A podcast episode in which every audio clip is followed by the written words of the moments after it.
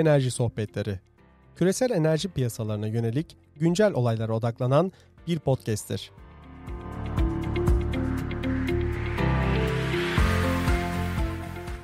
Merhaba, 14 Temmuz 2021 tarihinde karşımızda hocamız Sayın Gürcan Gülen var. Gürcan Hocam merhaba. Merhaba Barış. Hocam geçen seferki podcast'imizde çok o, ilgi gördü. Bana da pek çok mesaj geldi. Bu sefer Güzel. sizin e, bu sefer sizin e, özellikle belki sizden öğrenebileceğimiz kısmıyla ABD enerji politikasını konuşalım istiyorum. Olur tabii konuşalım. E, bilmeyenler için biz arada mesajlaşıyoruz konuları acaba ne olsun falan diye. Gürcan Hoca'nın şöyle bir özelliği var. Çok tecrübeli bu konularda. O yüzden de e, geniş bir ağda e, belirli pek çok şey soracağız kendisine. Hocam hazırsanız önce isterseniz şu Fatih Birol bir zamanlar şöyle diyordu. Ben de sevdiğim için söylüyorum. ABD'deki shale üreticileri aslında hepimizin cebine 3'er 5'er dolar daha ucuza veya 10 dolar 15 dolar daha ucuza fosil yakıt, petrol, gaz tüketimini sağladı. Dünyada e, petrol ve gaz fiyatlarını önemli bir zaman aş- aşağıda tuttu. E, bu geleceğe baktığımızda devam edecek mi? E, biraz bunu geçen sefer de konuştuk. Ee, tabii eskisi kadar e, üretim konusunda biraz böyle İngilizce'de free for all dediğimiz yani herkesin böyle e, isteyerek kuyu kolayca kuyu açabileceği bir ortam pek kalmadı gibi. Bu birkaç açıdan kalmadı. Bir, e, finansal piyasalarda küçük küçük şirketlere işte 2000'lerden itibaren bol bol para veriliyordu. Faizler de düşüktü. Bu tabii o yatırımların hızlanması bakımından önemli bir faktördü. Artık öyle bir şey pek yok. Finansal piyasalar e, genel olarak e, fosil yakıtları olan yatırımları konusunda çok daha seçici davranıyorlar. İşte deka, dekarbonizasyon politikalarına bakıyorlar. İşte ESG dediğimiz Environment e, Social Governance e, türü konularda neler yapıyorlar onlara bakmaya çalışıyorlar. Tabii para kaynakları çeşitli. Kurumsal, finansal e, kurumlar tabii onlar e, değişik kriterleri olabilir. E, private equity dediğimiz yani özel fonlar onlar daha değişik bakıyor olabilir. E, tabii petrol ve doğalgaz fiyatları artarsa e, karlılık e, oranları da artacağı için gene para bulmaya başlayacaklardır büyük ihtimalle. Ama şu anda tabii biraz daha dikkatli davranılıyor ve e, maliyet e, yani kapital maliyeti diyebileceğimiz faiz istenen faiz oranı tamam biz size borç veririz ama şu kadar faizden veririz dendiği vakit o faizlerde biraz yükselme de görülüyor. Hem yani çok vermek istenmiyor verecek olanlar da daha yüksek faizle vereceği için artık eskisin gibi her isteyen şirketin e, boyuna posuna bakmadan kolay kolay yapabileceği işler değil. İkinci olarak da e, sektörde bir konsolidasyon oldu tabii. E, küçük şirketler tabii son e, pandemi süresindeki süresindeki düşük fiyatlardan dolayı da bayağı zarar gördüler. E, konsolidasyon oldu. Büyükçe daha başarılı şirketler küçük şirketleri aldılar. Bunun e, şey açısından da faydası var. E, bu shale ya da unconventional kaynaklarda e, sahip olduğunuz toprağın kesintisiz olmasında büyük fayda var. Çünkü o zaman daha iyi kuyu açabiliyorsunuz uzunluk açısından. E, bu horizontal kuyuların uzunluğu açısından e, vesaire çok daha iyi optimize edebiliyorsunuz. E, eskiden çok fazla şirket olduğu vakit insanların sahip olduğu sağ, yani toprak hakkı sahip oldukları topraklar çok böyle bölük pörçük olduğu vakit istedikleri gibi kuyu açamıyorlar. Şimdi konsolidasyon zorunda biraz o da daha optimize hale gelecek. E, bunları bir araya koyduğum vakit finansal sektörün e, çok kolay borç vermemesi, verilen borcun faiz oranlarının yüksek olması, işte, e, bu konsolidasyon sonunda büyük toprağı ele geçiren şirketlerin e, daha disiplinli olaya yaklaşmaları, borçlanma yerine e, nakit akışından e, olan parayla tekrar yatırım yapmayı tercih etmeleri gibi faktörlerden dolayı eskisi kadar e, yani fiyatlar artsa bile ki bunu biraz görmeye başladık bile. Çünkü fiyatlar şimdi 70-75 dolar. Hı hı. Eskiden olsa şu anda çok daha fazla kuyu açıldığını görürdük ama şu anda çok daha kontrollü yaklaşıyor şirketler. Yani o yüzden eskisi kadar e, bol kepçe kuyu açalım gibi bir yaklaşım pek olmayacaktır. E, çünkü kendilerinin de zarar gördüğünün farkında artık şirketler. E, dünyaya çok fazla petrolü bir anda sunarsan fiyatlarda zarar görüyorsun sonuçta. O zaman kafalarında şöyle bir sorun mu var? Yani ben de onu görüyorum. Ee, ABD petrol üretimi için e, eskiden 50 dolarda hemen böyle dalıyorlardı. Şu anda daha 70'lerin hatta hala çok kıvırdanma yok. 75-80'lerde e, fiyat bekliyorlar ki ve uzun dönemli bekliyorlar. Anladığım kadarıyla o future yani gelecek eğrisi aşağı gittiği sürece de yatırımı çok girmiyorlar. O fiyatı görmeden o ABD shale üretimi gelmeyecek görüyoruz şu anda şimdilik. Şimdi tam bir fiyat veremem. Ee, çünkü hani eskiden beri söylenen şeyler var. Bu sonuçta jeolojik açıdan da baktığında tamam işte bu konsolidasyon sonunda bir, bir şirketin sahip olduğu toprak oranı arttı veya bölünme de yok. İstedikleri bir kuyu açabilirler vesaire. Böyle bir optimizasyon olanağı da arttı. Ama ona rağmen e, finansal sektörden gelen ve e, hisse sahiplerinden gelen baskılardan dolayı e, hem bu baskılar ESG tarafından gelen baskılar var hem de e, geri dönüş rate of return olarak e, beklentiler e, belki biraz daha e, şey e, katı diyelim. O yüzden biraz daha e, bu şirketler e, daha dikkatli yaklaşıyorlar olaya. Yani 70 dolar olan yerler olabilir jeolojik açıdan. Sırf e, yani kar ekonomisi analizi yaparsanız evet bazı yerler 70 dolara ihtiyacı olabilir ama bazı yerler hala 30 dolarda karlı olabilir. Ama yani kuyu başına yapılan bu tür ekonomik analizler ki bunu geçmişte çok yapmıştım çok da mantıklı değil artık. E, bütünsel olarak bakmak lazım. Yani sadece açacağım bir kuyunun ekonomik olup olması önemli değil. Tamamen e, sahip olduğum toprağın e, yani oradan üretimi optimize nasıl edebilirim? O şekilde yaklaşıldığı için yani kuyu kuyu yapılacak bir karar verme e, şeyi yok artık. Hmm. Toplum olarak ben bu sahayı nasıl e, açayım kuyuları? Şurada kaç tane horizontal açayım? Burada kaç horizontal açayım? Eğer varsa böyle bir olanak kaç değişik seviyede açayım. Çünkü mesela Permian'da 2, 3, 4 tane e, şey olabilir. Horizontal. Yatay şey, koy. E, yatak evet. Yatay yatay yatay koy. E, o yüzden yani onları da dik e, böyle seviye seviye açabilirler.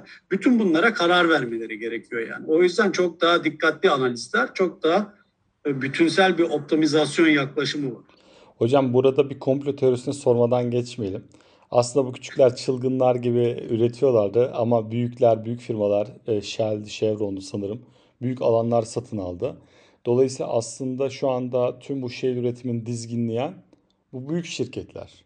Dolayısıyla onlar da aslında o fiyat hedefine varmadan shale'in gene çılgınca devreye girmesini biraz bloklayarak petrol fiyatlarını biraz daha yukarıda tutmaya kar çünkü net olarak bakarsak karlarını da yüksek göstermenin en iyi yolu daha yüksek petrol fiyatları değil mi?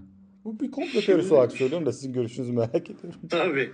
Yani şimdi şöyle diyeyim, 2-3 e, tane şey var orada. Bir, konsolidasyon oldu ama bu konsolidasyonun olması e, yani bu Permian diyelim ya da Bakken diyelim iki tane en büyük ya da Eagle Ford. Buraların tamamen işte Exxon, Chevron vesaire gibi büyük şirketlerin eline geçtiği manasına gelmez e, bu eskiden beri yani shale konusunda e, ilk davranan şirketler vardı mesela. EOG diye bir şirket vardı. Şimdi onlar çok başarılılar. Onlar mesela bazı yerleri onlar aldılar. Pioneer diye bir şirket vardı. Bazı sahaları onlar aldılar.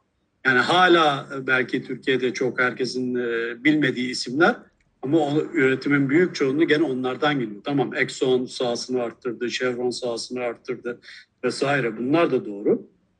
Ama diğer yandan e, toplam olarak baktığım vakit hem petrol hem doğalgaz değişik değişik sahalarda Permian, Bakken, Eagle Ford, Marcellus ve birkaç tane daha var tabii. Baktığım vakit değişik değişik şirketler hala oralarda ciddi üretim yapıyorlar. Cabot, Range Resources e, vesaire vesaire yani bunlar işte son 10-15 senenin e, kıyımından canlı çıkan, başarılı olan şirketler diye düşünülebilir. Yani sadece o büyük şirketler değil. Peki burada şey üretimi de biraz dengesiz yani belirsiz olduğundan hızlı başlıyor sonra uzun bir kuyruğu var. E, Hadi üretelim dediğimizde ki 1900 galiba 70'lerde böyle bir şey oluyor. Bu kadar petrol rezervimiz var diyorlar sonlarına doğru. Hı. Hadi kriz oldu üretelim diyorlar. Bakıyorlar üretemiyorlar. Çünkü hani Hı. bir şey var diye. Ee, hem yatırım yapılması lazım hem de rezervler şişirilmiş gözüküyor diye. Shale yarın öbür gün dünyanın ihtiyacı olsa hadi petrol 100-120 dolar olduğunda shale üretiminin gelememe ihtimali var mı 70, 70'lerin sonundaki gibi? Yani bir anda petrol fiyatlarını ee, bekliyoruz. Yani bekliyoruz şöyle e, gelememe ihtimali şöyle. Yani jeolojik faktörlerde bir sorun var mı? Ee, şöyle işte onu söylemeye çalışıyorum. Demin söyleyeceğim başka bir şey vardı onu unuttum. Ee, bu büyük şirketler, küçük şirketler muhabbetin bir ikinci faktör de şu. Hani Exxon'du, Chevron'du vesaire hani büyük herkesin bildiği şirketler tamam bunlar Permian'da vesaire de bayağı bir e, konsolidasyonda rol oynadılar. Ama sonuçta onların bütün e, global üretim kapasitelerine baktığım vakit gene Amerika'daki bunların şey alan conventional tight oil sahalarının yüzde olarak e, portföylerinde oranı çok yüksek değil. Yani gene gelirlerinin çoğunu oradan yapmayacaklar. E, tabii bir, bir strateji olarak aldılar bu sahaları. Bir katkısı olacaktır mutlaka ama yani hala büyük portföylerinde e, büyük bir paya sahip değil. Yani oradan para kaybetmek istemiyorlar. Tabii ki onu demek istemiyorum ama e, gene de e, şirket için çok da dominan bir karar değil.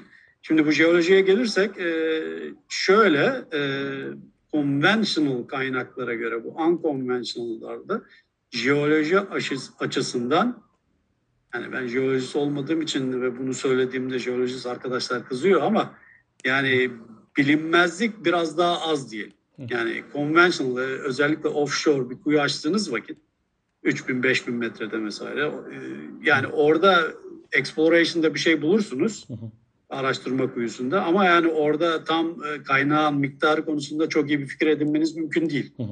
Çok bir e, kaba tahmin olur o. 2-3 tane daha değerlendirme kuyusu, appraisal kuyusu açmanız lazım ki işte sınırlarını belirleyeceksiniz.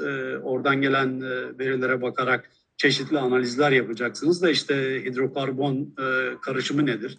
Ne kadar gaz, ne kadar petrol, ne kadar e, başka e, moleküller vesaire diye. Bütün bunlar ancak birkaç tane kuyu açıldıktan sonra bayağı bir e, analiz yapıldıktan sonra bilinebilir. Şimdi bu unconventional, tight oil olsun, shale gas olsun bunlarda bu tür şeyler daha az, belirsizlikler daha az. Yani şöyle söyleyeyim mesela e, istatistikler dağılım olarak baktığında conventional sahada kuyuları açtıkça hatta üretime geçtikçe o distribution daralmaya başlar. Yani bu unconventional'larda gene bir distribution vardır ama zaten başlangıçtan beri biraz dar bir distribution'dır yani.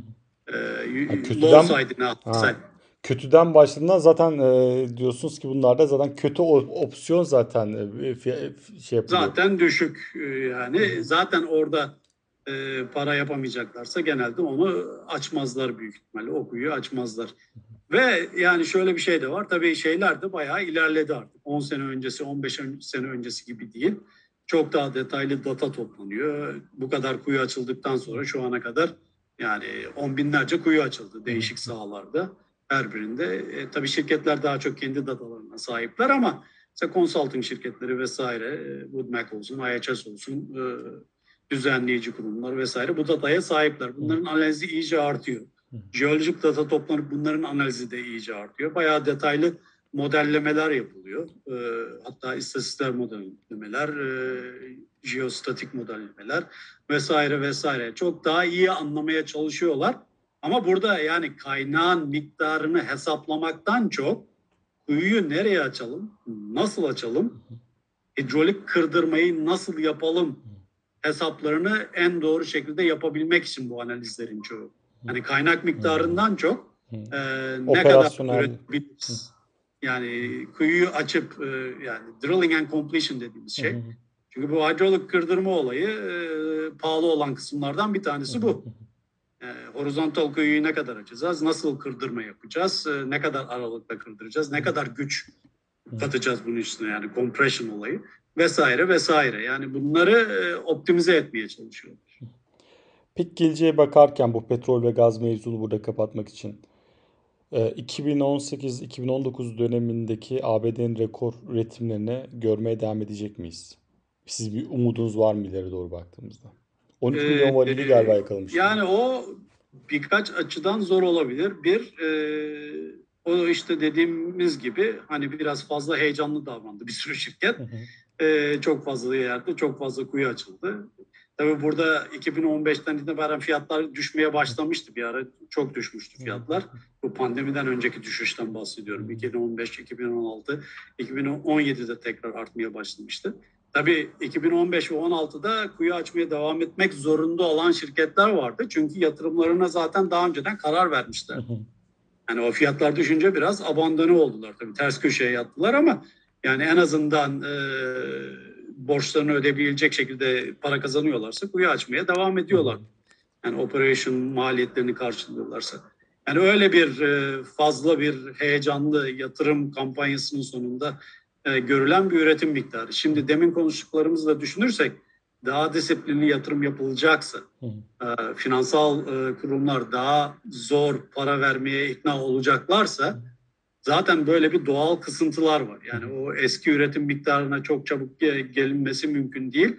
Ee, daha böyle bir plato üretim e, olma ihtimali daha yüksek bugünlerde.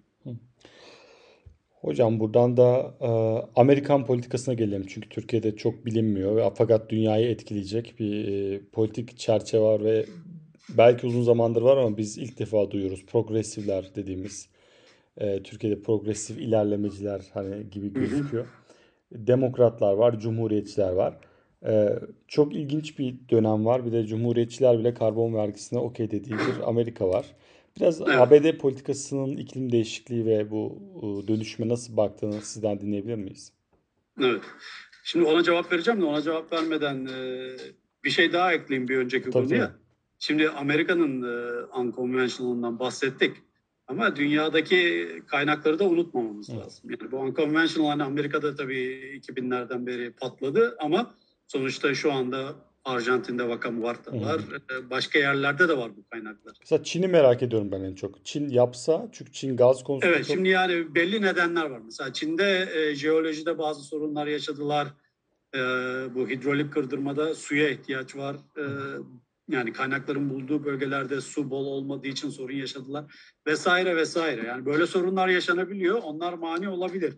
Ama diğer yandan mesela Polonya'da da çok umut vardı. Aynen. Olmadı. Gene jeolojik sorunlar yaşandı ama jeolojik sorunların ötesinde Polonya hükümetinin de biraz e, hırslı davranıp çok daha üretime geçilmeden e, vergileri vesaire e, royaltıları arttırmak gibi bir politika ta- takip ettiler. O bir kere yatırımcıları kaçırdı. Yani hem jeoloji sorunlu hem fiscal e, yani kay- e, terimleri sorunlu oldu vesaire. Yani ama kaynak var. İşte üretilebilir, üretilemez. E, İngiltere'de de var ama şu anda İngiltere'de moratorium var. Hı hı. Mesela kuyu açamıyorlar vesaire vesaire.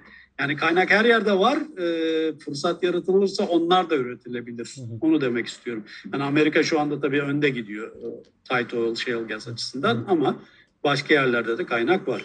Şimdi Amerika'nın e, politikalarına gelirsek e, sonuçta herhalde Clinton zamanında Kyoto Anlaşması'nın imzalamasından beri Amerika'da ve tabii bir anlaşmazlık var bu konuda Hı. Cumhuriyetçiler ve Demokratlar arasında diye basitleştirebiliriz. Hı.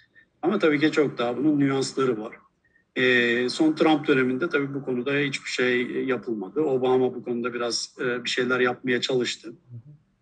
Zaten 2015 Paris Anlaşması'nı imzalayan Obama dönemi. E, ondan sonra işte onun e, metan gazı salımları ile ilgili bazı şeyleri oldu Amerika içerisinde vesaire vesaire. Bazı şeyler yapılmaya çalışıldı. Obama'nın ikinci döneminde. Trump bunların çoğunu geri döndürdü. Ee, ondan sonra şimdi Biden döneminde bunlar tekrar bunların bazıları çünkü executive order dediğimiz başkanın kongrenin e, onayına ihtiyacı olmadan e, yaptığı şeyler. E, bu executive order'lar sayesinde işte Environmental Protection Agency gibi e, başkanlık kararlarıyla uyguluyorlar. Başkanlık kararlarıyla yani aslında. Başkanlık kararları evet. Ondan sonra e, tabii bunlar sonra kongrede tamamen e, geri döndürülebilecek şeyler yani Hı. aslında ama tabii kongrede de bir anlaşma olmadığı için bu tür şeylerde e, yani şimdiki dönemde bir şey olur mu olmaz mı? Demokratların bu bıçak sırtı bir üstünlüğü var e, senatoda. E, bakalım yani bir şeyler geçirmeye çalışıyorlar ama işte e, görüyoruz ki çok kolay olmayacak bazı şeyler. E, şimdi Biden'ın mesela 4-5 milyarlık bir e, e, trilyon dolarlık bir planı vardı. Ki bunun içerisinde birçok şey işte bu enerji değişimine yönelik olacaktı. Mesela elektrikli arabalar için e, şarj istasyonlarının kurulması vesaire vesaire. E, o tür şeylere bayağı kaynak ayrılacaktı. Şimdi e, onlar biraz kesildi galiba. Hı hı. Ama genel olarak tabii ki yani Trump gitti, Biden geldi. 180 derece bir dönüş var. E, baştan baktığım vakit politikaya. Kongre içerisinde de gene öyle şey var. Ama e, şimdi demokratlar içerisinde de biraz kutuplaşmalar başladı. Çünkü mesela Biden e, federal topraklarda e, yeni e, izinlere e, bir dur dedi. Ne izinlerine dur dedi? Mesela Permian'ın New Mexico tarafındaki sahaların çoğu, toprakların çoğu federal toprak. Yani New Mexico eyaletinin kararına bağlı bir şey değil. Veya özel toprak sahiplerinin kararına bağlı bir şey değil. Texas tarafına geç, çoğu özel toprak sahiplerine veya eyalete bağlı kararlar bunlar. Sen oralarda bir kuyu açmak istiyorsan onlardan izin alıyorsun. Ama New Mexico tarafında federal topraklar olduğu için federal hükümetten izin alman lazım. Yani Bureau of Land Management diye bir ajans var bu tür lisansları veren. İçişleri Bakanlığı'na bağlı. Department of Interior'a bağlı. Ee, şimdi bunlar e, tabii Trump zamanında bol bol veriyorlardı. Biden buna dur dedi. İşte bunun etkisi bu aslında demin konuştuğumuz yani Amerika'daki şehir üretimi yani iki sene üç sene önceki e, tavana ulaşır mı diye sormuştun. Hı hı. Bu açıdan da en azından önümüzdeki birkaç sene içerisinde ulaşamaz. Çünkü bu federal topraklar çok büyük e, üretimin payına sahip değil. Yani ama e, sonuçta bir etkisi olacaktır. Yapılan çalışmalar yüzde beş, yüzde on gibi üretimin e, olabileceğinden daha az olacağını iddia ediyor. Yani böyle bir yasak olmasaydı şirketler e, New Mexico'da da North Dakota'da da gene federal topraklar fazladır.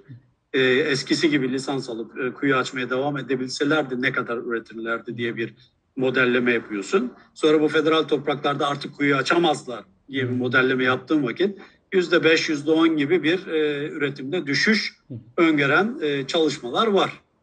Yani bu deminki soruya bir de bu cevap var. Yani neden eskisi kadar artamaz gibisinden. Ee, bunlar oluyor. İşte bu Biden'ın başka executive order'ları da oldu. İşte gene bu Obama zamanından kalan o e, metan gazı salımları ile ilgili veya doğal gaz ve petrol sistemlerindeki kaçak metan gazları. Met, met, methane leakage diyoruz İngilizce'de. Herhalde kaçak gaz sızıntılar, metan olur e, işte borulardan, vallardan, e, petrol tanklarından, storage tanklarından vesaire e, depolarından e, sızan gazlar bunların kontrolüyle ilgili şimdi EPA e, Environmental Protection Agency bir şeyler zaten yapmıştı. Trump bunu geri çevirmişti. Şimdi onun üzerinde biraz daha çalışacaklar. Tekrar uygulamaya koyacaklar vesaire vesaire. Diğer yandan tabii mesela Exxon gibi şirketler senelerdir karbon vergisini destekliyor. Sonuçta bu karbon vergisi olayı yani ekonomistlerin de çoğunun hem fikir olduğu bir şey. Yani bu konuda gerçekten hızlı bir şekilde sonuca ulaşılmak isteniyorsa doğru dürüst bir karbon vergisi olması lazım diye ekonomistler yazdı çizdi veya ikinci alternatif e, karbon vergisine eş e, cap and trade türü bir sistem. Yani sonuçta şirketler e, bir sınır konulacak. E, Avrupa bunu denedi ama bol keseden dağıttıkları için ilk başta o fiyatlar çökmüştü. Şimdi o fiyatlar biraz daha sıkı tuttukları için tavanları artmaya başladı Avrupa'da anladığım kadarıyla. Şimdi Amerika'da bu karbon vergisi olayına destek var ama e, şöyle bir sorun var. yani hemen hemen her eyalette bir yenilenebilir enerji hedefi var. Ona değişik destekler var. E, federal hükümetin vergi indirimleri söz konusu rüzgar ve güneş için ve diğer yenilenebilir teknolojilere veya temiz bulunan teknolojiler. Şimdi bütün bunlar varken bunların üstüne bir de karbon vergisi koymak e, politikacılar için çok öyle kolay e, azmedebilecek bir şey değil. Çünkü yani zaten enerji maliyetleri artıyor. Yani bu aslında e, politik açıdan bir sorun. Yani yenilenebilir enerji maliyetleri düştü. Doğalgaz fiyatları düştü. Bu yüzden elektrik fiyatları çok düşük. Toptan piyasada elektrik fiyatları çok düşük Amerika'da genel olarak.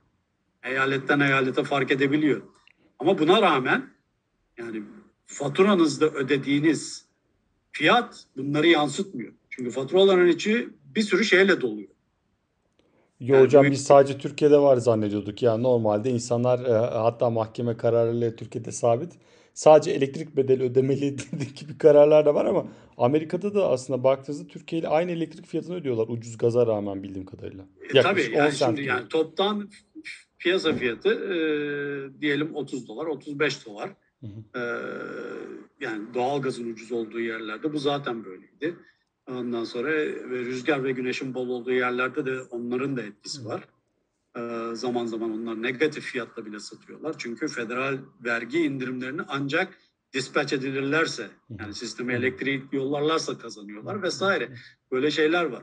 Ama sonra bunlar tamam faturanızda enerji maliyeti satırında onu ödüyorsunuz.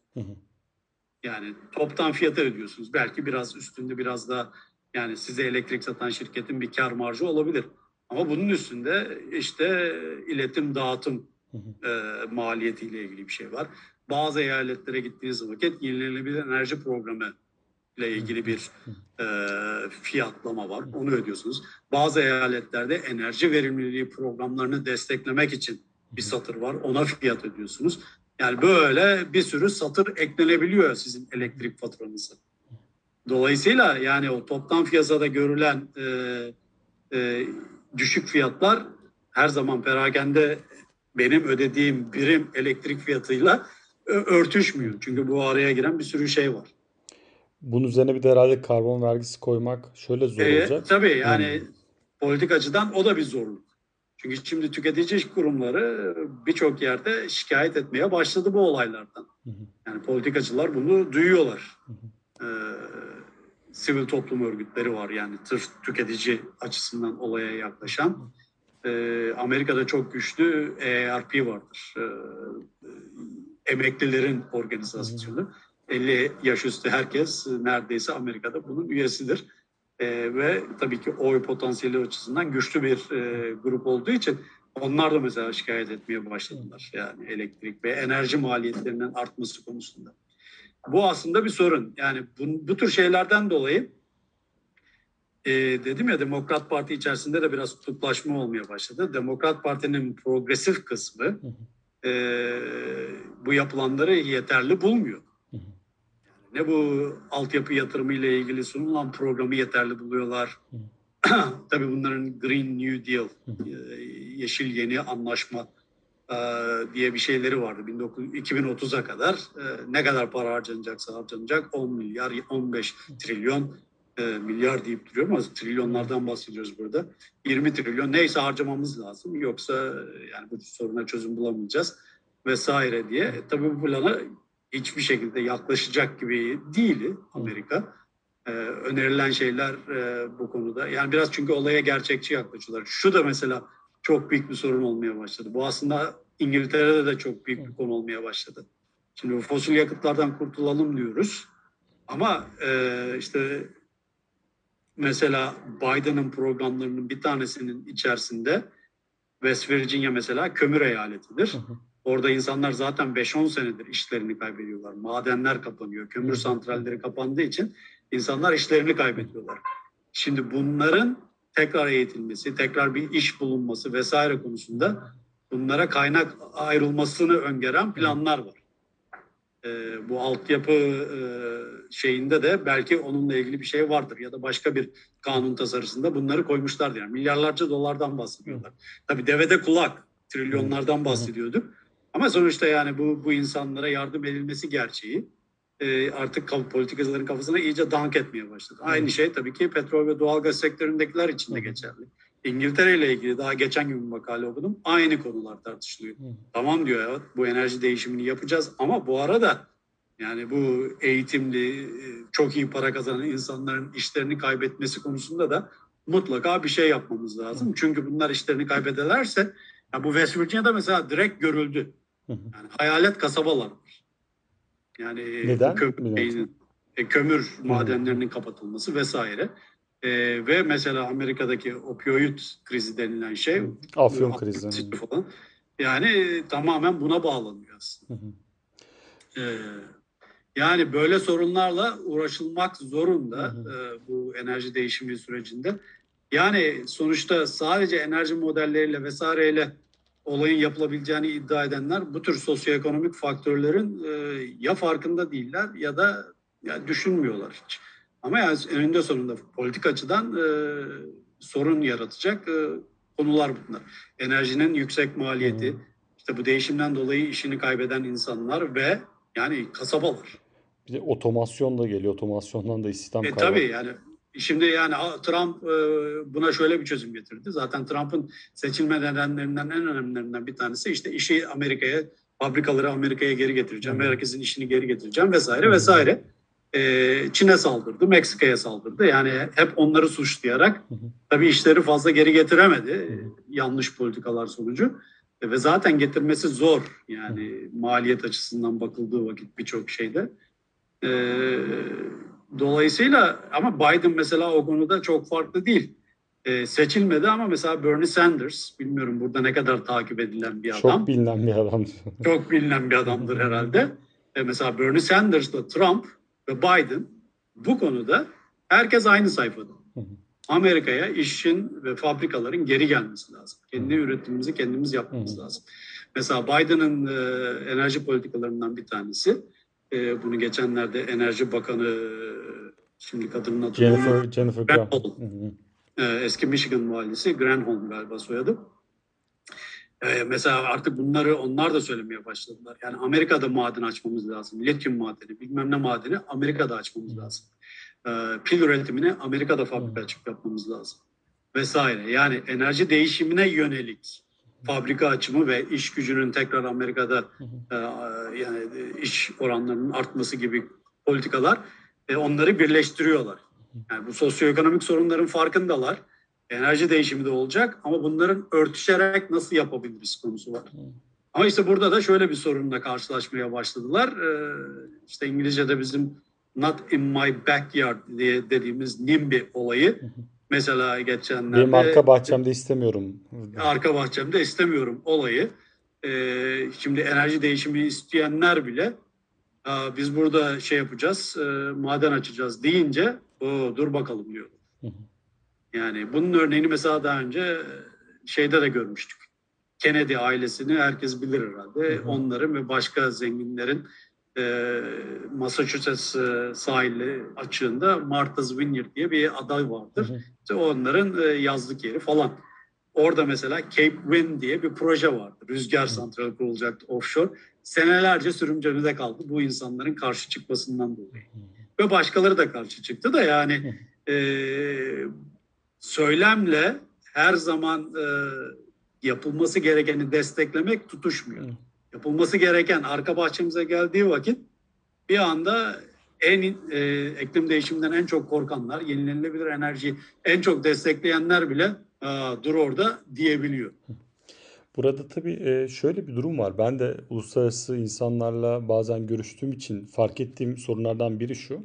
Mesela iş oluşturmak. Excel'e bir hücre koyuyor. İşte kaç istihdam verir milyon kişi diyor. 1 milyona işte 16 enerji verimli işi diyor. Abi o zaman diyor buraya 100 milyon ayırırız diyor. 1600 kişi hop istihdam olur diyor. Şimdi diyorsun ki bu iş bu kadar basit olsa bu kadar dünyada işsizlik sorunu olmaz yani servis sektörüne yığdıkça yığıyorlar dünyada da. Ve aslında o düşünülen paralar verilerek bir anda istihdam üretilmesi de çok daha zor. Büyük ihtimalle öyle olacak. Zor. Bir de e, burada bir şey daha ekleyeyim. E, dignity of the work yani çalışan kişinin de bir e, onurlu bir iş yapması mesela güneş panelinde cam mı sildireceksin herkese tüm gün? E, bunlar mesela çok önemli problemler ve e, Excel'le çözülmüyor maalesef. Nasıl çözülecek ben de bilmiyorum. E, çok güzel bir noktaya değindin Barış. E, yani benim söylediklerimi senin söylediklerini ortaya koyalım. Yani sorunun sadece yani yüzeysel şeylerinden bahsediyoruz biz. Hı hı. Konulara girdiğim vakit e, benim e, işte Enerji Derneği'nden bir arkadaşım var. Uluslararası ee, Enerji Ekonomistleri Derneği galiba. Enerji Ekonomistleri Derneği e, işte Amerika'daki branşı. e, Indiana Üniversitesi'nde. Başkaları da var ama yani bu kızcağız çok iyi araştırmalar yapıyor. Birkaç tane beraber çalıştığı insanlar da var. Yani yaptığı araştırmalar energy justice, enerji adaleti başlığı altında sınıflandırabiliriz ama işte demin konuştuğumuz şeylere de giriyor. Yani bu enerji değişiminde maliyet artışları olacak. Bunu nasıl dengeleyeceğiz? Çünkü bir sürü insan için enerji faturaları e, harcanabilir gelirlerinin yüzde otuz, yüzde kırk gibi bir miktarını oluşturabiliyor. Yani Amerika'da bile. Tabii bunlar da genelde işte zenci mahalleleri ya da Latino mahalleleri oluyor. Yani orada biraz etnik bir şey de var. Ee, tabii o etnik şeyle fakirlik örtüşüyor birçok yerde. Böyle sorunlar var. İşte demin bahsettiğim bu West Virginia hatta Indiana vesaire. Onlarla ilgili çalışmaları da var. Yani bu değişimden dolayı işini kaybedenlere nasıl bir imkan sunabiliriz ki bu değişimi e, yapmak istiyoruz e, çevresel nedenlerden dolayı ama bu arada bu sosyoekonomik e, sorunları da unutamayız. Bu konularda çalışan Leeds Üniversitesi'ndeydi galiba İngiltere'de. E, Benjamin Sovacool diye birisi de var. Onun da çok güzel makaleleri var bu konularda. Yani bu konular üzerinde çalışanlar çok. E, sanırım e, hem Avrupa'da belki daha az ama Amerika'da e, politikacılar tabii Amerika'daki eyalet sistemi de bu olaya da etkili oluyor. Yani federal politika farklı bir şey, eyalet seviyesindeki olay da farklı. E, yani burada Teksas'ta çok fazla e, mesela yani sonuçta tarihsel olarak petrol ve doğalgazdan e, para kazanmış bir eyalet olduğu için şu anda çok daha çeşitlilik var tabii ki Teksas'ta ama gene de o sektörün e, önemli bir rolü var. O yüzden oradaki politikalar her zaman federal politikalarla veya Kaliforniya'daki politikalarla örtüşmez. Ama o yani Kaliforniya'da bile mesela geçenlerde şeye e, yani izin verdiler demeyeyim haberi tam hatırlamıyorum şu anda. E, CCS olayını şimdi karbon e, yakalama. Karbon yakalama ve yer altında Hı. saklama. Yani sonuçta Kaliforniya'da çok ciddi bir petrol ve doğalgaz üretimi vardır. İnsanların çoğu bunu bilmeyebilir. Hı. 100 yıl öncesinden gelen bir şey. Onların hala üretime devam etmesi söz konusu. O yüzden yani yakalanan karbondioksitin yer altında saklanabilmesine müsait jeolojik formasyonlar da var.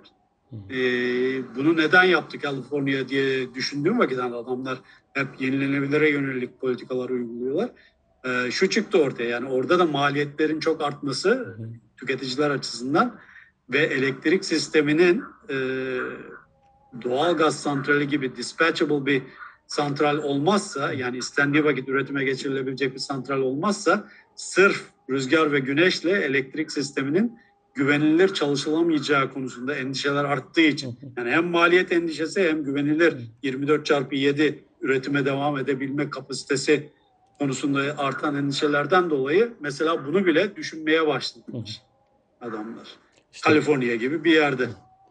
E, işte burada şeyi de sormak lazım belki e, elektrik sistemin dönüşümü. Mesela ABD'de elektrik sistemin dönüşümü nasıl olacak? Çünkü Avrupa'da biraz daha şu var. Kömür santrali kapanacak. Alman devleti geliyor. Kömürcülerle oturuyor. Parayı veriyor. Kapatıyor diyelim ki.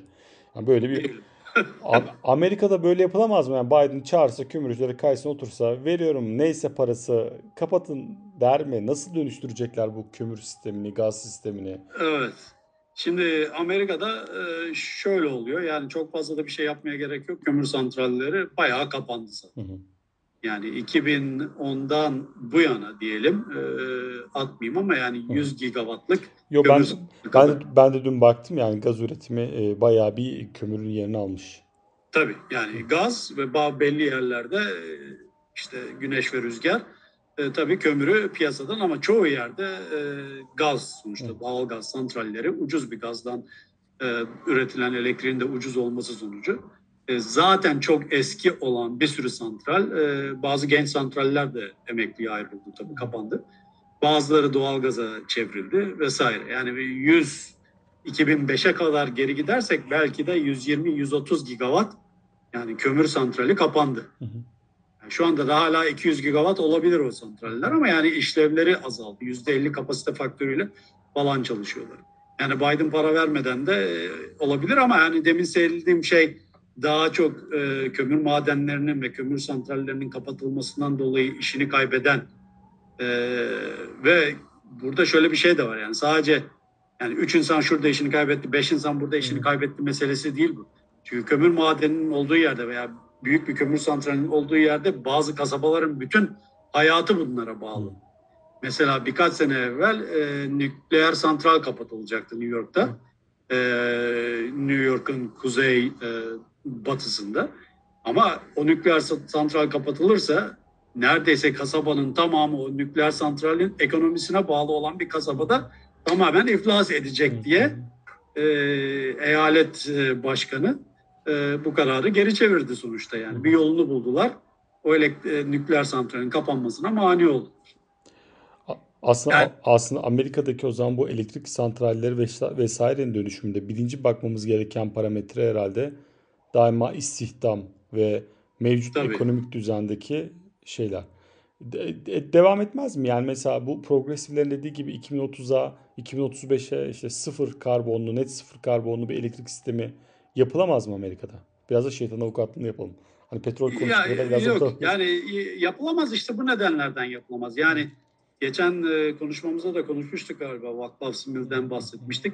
Yani onun ve başkalarının yaptığı çalışmalarda yani dünya bu e, enerji değişiminden 2-3 kere geçti.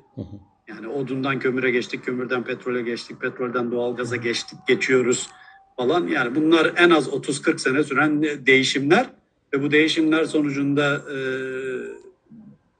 değiştirdiğimiz şeyi kullanmayı da bırakmadık henüz. Hı hı. Yani sonuçta kömürden petrole geçtik diyoruz ama hala kömür kullanılıyor vesaire. Yani bu değişimlerin bu kadar uzun süreli olmasının nedenlerinin içerisinde bir var olan altyapı tamam bazısı 30 senelik 40 senelik olabilir Ee, ama bazısı 10 senelik 15 senelik. Zaten şu anda yeni doğal gaz altyapı yapı, yapılmasına o yüzden çok itiraz ediyor çevreci gruplar. Doğalgaz santrali kurulmasın, yeni doğalgaz boru hattı inşa edilmesin. Çünkü bunlar yapıldığı vakit e, kullanılmaya devam edileceğinin herkes farkında. E, şey diyorlar yani sonuçta yatırım yapanları korkutmaya çalışıyorlar. Siz bunu yapıyorsunuz ama işte bu enerji değişimi politikaları yüzünden bunlar para kazanamayacak. 5-10 sene sonra kapanmak zorunda kalacak. Batık olacak bunlar da.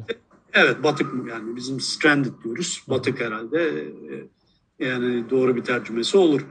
Bir bu faktör var. Yani öyle diye olabilirler ama bu gerçek tarafı yani yatırım yapan insanların ve ekonomik hayatı bitmemiş e, bu tür e, varlıkların üretime büyük ihtimalle devam edeceklerini görmek lazım. Yani orada olmasa şurada olacak yani. Yani her yerde bir anda değişim olması lazım. Çünkü yani istenen şey o kadar skop açısından baktığım vakit, coğrafi skop açısından baktığım vakit vesaire o kadar geniş ki ve miktarlar o kadar büyük ki. Bir bu yani var olan altyapı trilyonlarca dolarlık altyapı. Yani bunu küresel e, şeye taşıdığım vakit. Çin'in bilmem nenin Hindistan'ın vesairenin yaptığı yatırımları da düşün bugün. Adamlar yeni nükleer santral kuruyorlar, yeni kömür santrali kuruyorlar, yeni doğalgaz santrali kuruyorlar. Boru hatları inşa ediyorlar, rüzgar santralleri, her şeyi yapıyor adamlar. Yani tabii onlar tabii ki tamamen bir piyasa ekonomisi mantığıyla değil ya da piyasa ekonomisine Amerika'da bile tamamen piyasa ekonomisi mantığı var demek Ama zor. merkezi planlamayla diyelim. Yani ha bu buna bir şey olarak baktığım vakit e, spektrum olarak baktığım vakit tamam Amerika piyasa ekonomisine daha yakın olabilir. Çin merkezi planlamaya daha yakın olabilir ama genelde bunların hepsi karışık şeyler. Hı. Ama yani sonuçta Çin belki yani her şeye yatırım yapar ondan sonra kullandığını kullanır kullanmadığını kullanmaz. Yani son 5-10 senede en son baktığımda Çin'deki doğal gaz santrallerinin e, kapasite faktörü %30 gibi bir şeydi. Yani inşa etmişler ama kullanmıyorlar devam. E, Çünkü Çin genelde doğalgazın e, çoğunu ithal ettiği için, net ithalatçı olduğu için maliyete göre de öyle bir denge yapmaya çalışıyor. Yani sonuçta bütün bunlara böyle baktığım vakit yani bu yatırımlar var. Bu yatırımlar kullanılacak. Yani değişimin yavaş olmasının yani nedenlerinden biri bu. Deminden beri konuştuğumuz sosyoekonomik etkileri. İki işini kaybedecek insanlar, hayalet kasabalar oluşacak vesaire. Onlar bu bu iki. Ee, Üçüncüsü şu anda var olan teknoloji yani en önde giden teknoloji rüzgar ve güneş. Evet. Yani bunlarla e, elektrik sisteminin e, dispatchable dediğimiz yani istendiği vakit üretime geçirilebilecek veya üretimi artırılıp azaltılabilecek teknolojiler gibi olmadıkları için Yani sistemin güvenilirliği konusundan yarattıkları bir risk var. Ee, yani bu da bir başka neden. Bütün bu nedenlerden baktığım vakit bu değişim çok yavaş olacak. Şimdi Amerika'da konuşulan şeylerden bir tanesi de yani bu değişim nasıl olacak elektrik e, sistemlerine geri dönelim. Şimdi federal hükümette FERC vardır mesela düzenleyici kurum olarak. Federal Energy Regulatory Commission diye. EPDK'nın federal versiyonu. Enerji evet, EPDK'nın federal versiyonu Amerika'da. Ama aynı zamanda Amerika'da her eyalette bir düzenleyici kurumda vardır. Toptan piyasalar federal e, FERC'in e, düzenlemesine tabidir. Ama eyalet içerisinde ki buna mesela perakende piyasa yani retail competition olduğu perakende satış e, kısmında bir rekabete açalım. Yani ben istedi, elektriğimi istediğim şirketten alayım gibi bir şey konusunda federal hükümet karar veremez. O eyaletin düzenleyici kurumu karar vermek durumunda. Sonuçta böyle bir tutarsızlık da var. Çünkü rekabete açık piyasalar, organize piyasa dediğimiz şeyler, ERCOT Texas içerisinde tamamen ama PJM birkaç tane eyaleti kapsıyor. New England'daki IOSO birkaç tane eyaleti kapsıyor. MISO birkaç tane eyaleti kapsıyor Midwest bölgesinde. Burada eyaletler arasında bir anlaşma olması lazım. E, anlaşma olmadığı vakit e, bu perakende tarafında tam bir rekabet yoksa aslında toptan piyasada olan rekabet bütün e, beklenilen ekonomistlerin beklediği faydayı sağlamıyor. Yani çünkü o sistemin tamamen rekabete açık bir sistem olması lazım ki hem toptan hem perakende yani bütün beklenen faydalar sağlansın. O biraz e, zor. E, neyse şu anda tartışılan şey işte bu organize market e, piyasa dediğimiz şeyleri genişletmeye çalışıyorlar. Bütün Amerika'ya yaymaya çalışıyorlar. E, ve diğer yandan bir politikada işte bu Biden'ın e, altyapı kanun tasarısında olan şeylerden bir tanesi iletim şebekesinin e, özellikle iletim ama iletim ve dağıtım şebekelerinin e, geliş, genişlemesiyle ilgili. Hı hı. Çünkü o zaten senelerdir istenen bir şey. Hı hı. Çünkü rüzgar santrallerinin en verimli olacağı bölgeler güneş santrallerinin en verimli olacağı bölgeler her zaman e, yük merkezlerinden e, uzakta genelde. Yani hemen hemen her zaman. Hı. Maalesef coğrafya böyle çalışmış. Hı. Ee, şehre yakın o, olmasını istemiyoruz mesela rüzgar santrallerinde. Evet tabii. Ee, o yüzden bu uzun e, mesafe, yüksek voltaj, belki direkt voltaj, e, direkt akım dediğimiz doğru mu tercüme ettim? Doğru akım. Doğru. Doğru akımı, direct current dediğimiz şey. Doğru akım mesela belki de çünkü hiç elektrik kaybı olmadan e, taşınabilecek e, iletim hatlarının kurulmasını senelerdir istiyor rüzgarcılar mesela. 10-15 senedir. Şimdi bu da var mesela Biden'ın altyapı teklifinde. E, geçerse bu kanun olarak e, bunun ne kadarı kalır kalmaz bilmiyorum. Yani rakam zaten kırpıldı kırpıldı yani bir trilyon dolara kadar düşük bir şey olabilir. Evet. Ee, onun ilk teklifi 4-5 trilyon gibi evet. bir şeydi. Şimdi 1 ile 2 arasında bir şey bekleniyor. En son okuduğum şey bu. Hı hı. Yani bunlar var. Diğer bir vizyon diyelim. Hı hı. Tamamen e, mikrogridlerin olduğu e, işte kasabaların veya belki daha küçük e, komünitelerin kendi elektriklerini ürettikleri, tükettikleri mikrogridler vesaire bu tür vizyonlar da var. Yani herkesin evinde güneş paneli olacak. Elon Musk'ın da var ya bir tane evi reklamlarında Sıralarda görmüş. yargılanıyor şey yatırımcılardan solar siteden dolayı. o başka mesele tabii. ee, adamın üç katları yavaş yavaş çıkmaya başladı ortaya ama yani vizyonu neydi? İşte benim camlarım elektrik üretecek. Kiremit yerine benim şeylerimi kullanacaksınız. Solar panel şeylerimi kullanacaksınız vesaire vesaire. Her evde bir power wall olacak. E, işte battery storage vesaire vesaire. Yani bu tür vizyonlar da var. Yani bunların bir kısmı çok böyle neredeyse e, ne diyeyim e, science fiction türü vizyonlar. Yani bir kısmı var olan teknolojiye dayalı, bir kısmı hala geliştirilmesi, en azından ticarileştirilmesi gereken teknolojilere dayanan vizyonlar. Bazıları da e, daha gerçekçi vizyonlar ama Tabii şey sorunu var burada da. Bir sürü eyalette hala e, dikey entegre e, şirketler hakim. Şimdi bunların da kendi çıkarlarını koruma şeyi söz konusu. Dolayısıyla yani ben böyle mikro gridler falan olacak. O zaman bunları kim kontrol edecek? O şirket kontrol etmeyecek. O zaman o şirket büyük bir e, piyasasını kaybetmeye başlayacak. Sonra bu şirketlere ne olacak? Yani bu dönüşümler içerisinde bunları da düşünmek lazım. Yani hem business structure, eskiden beri gelen e, utility dediğimiz e, elektrik şirketleri hatta dikey entegre olanlar e, her yerde piyasa yok çünkü Amerika'da. Bazı yerler sadece dikey entegre şirketlerle yönetiliyor. Mesela Güneydoğu bölgesi. Orada 5-10 tane eyalet böyle. Ondan sonra bu var. Regülasyon açısından bazı değişikliklerin yapılması lazım. Yani bu tür bir sisteme geçebilmek için. Ee, vesaire vesaire. Yani bu tür şeyler hep zaman alacak şeyler. Yani bu değişimi isteyenlerin e, yani bu konularda da çalışılıyor. Çok iyi işler de yapıldı.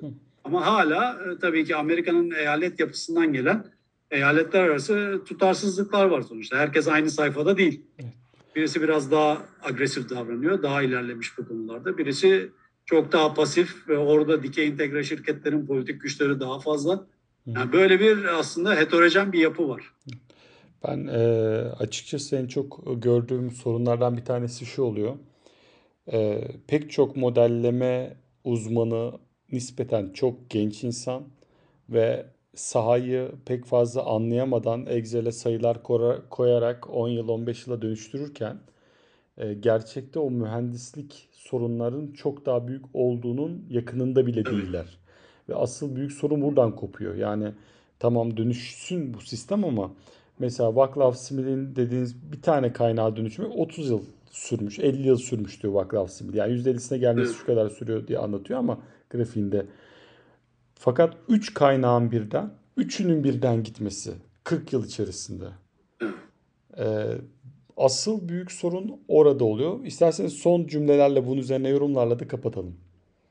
Yani çok çok doğru söylüyorsun. Ee, yani modellemeler şöyle bir örnek vereyim. Ee, işte bu Stanford'da Mark Jacobson vardır. Onun bir modellemesi vardı 3-5 sene evvel. Ondan sonra işte %100 Amerika'ya %100 yenilenebilir yapabiliriz. Hı hı. Sonucu bu. Hı hı. E, hatta dünyadaki başka ülkeler için bile bu modeli yaptılar.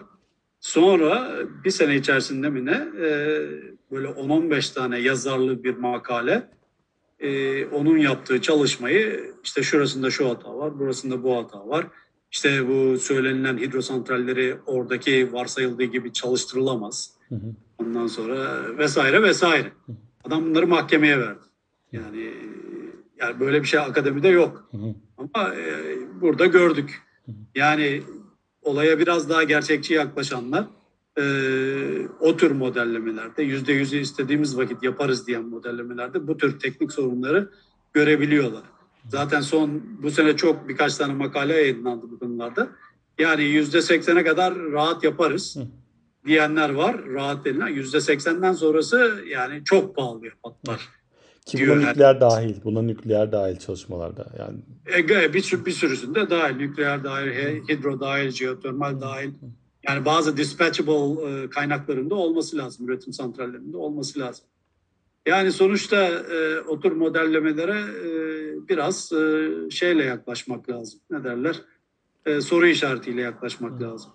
Yani maalesef hani Excel olsun e, ya da işte Python'da kod yazarak yapmış olsun. Nasıl yapmış olursa olsun e, orada çok basite indirgenmiş e, varsayımlar var. Yani biz kendi modellememizi yaptığımızda Aurora diye bir tane tevzi modeli kullanmıştık. Yani o da her şeyi tabii gerçekçi yansıtamıyor ama en azından işte ramp rate'ler vesaireler, fast start capability gibi şeyler bile vardı modelin içerisinde.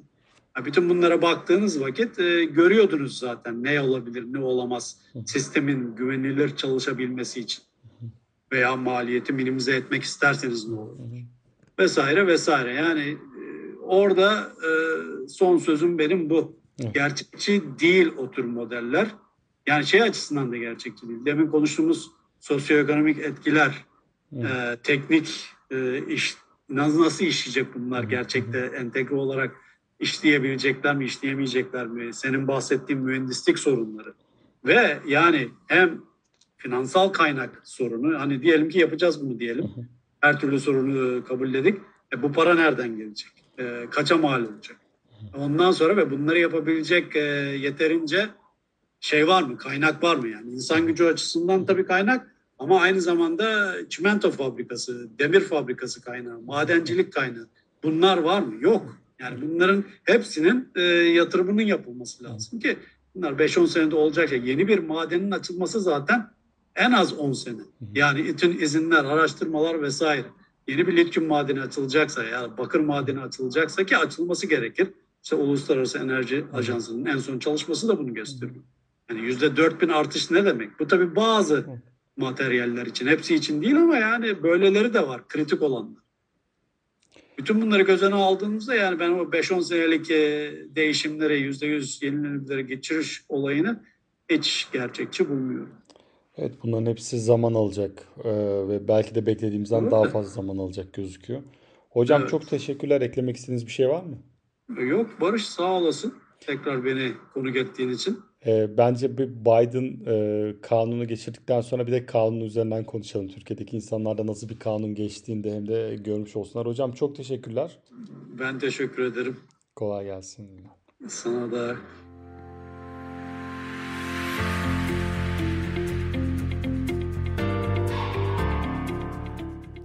Dinlediğiniz için teşekkür ederiz.